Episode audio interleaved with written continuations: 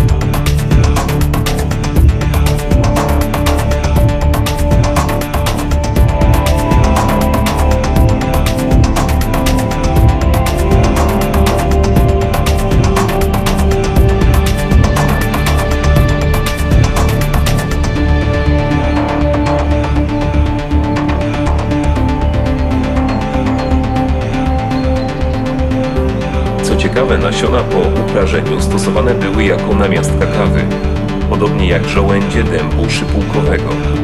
Stąd też w rejonie, skąd pochodzi, nazwany jest zwyczajowo Kentucky Coffee Tree. Należy jednak wspomnieć, iż same nasiona przed obróbką termiczną są trujące.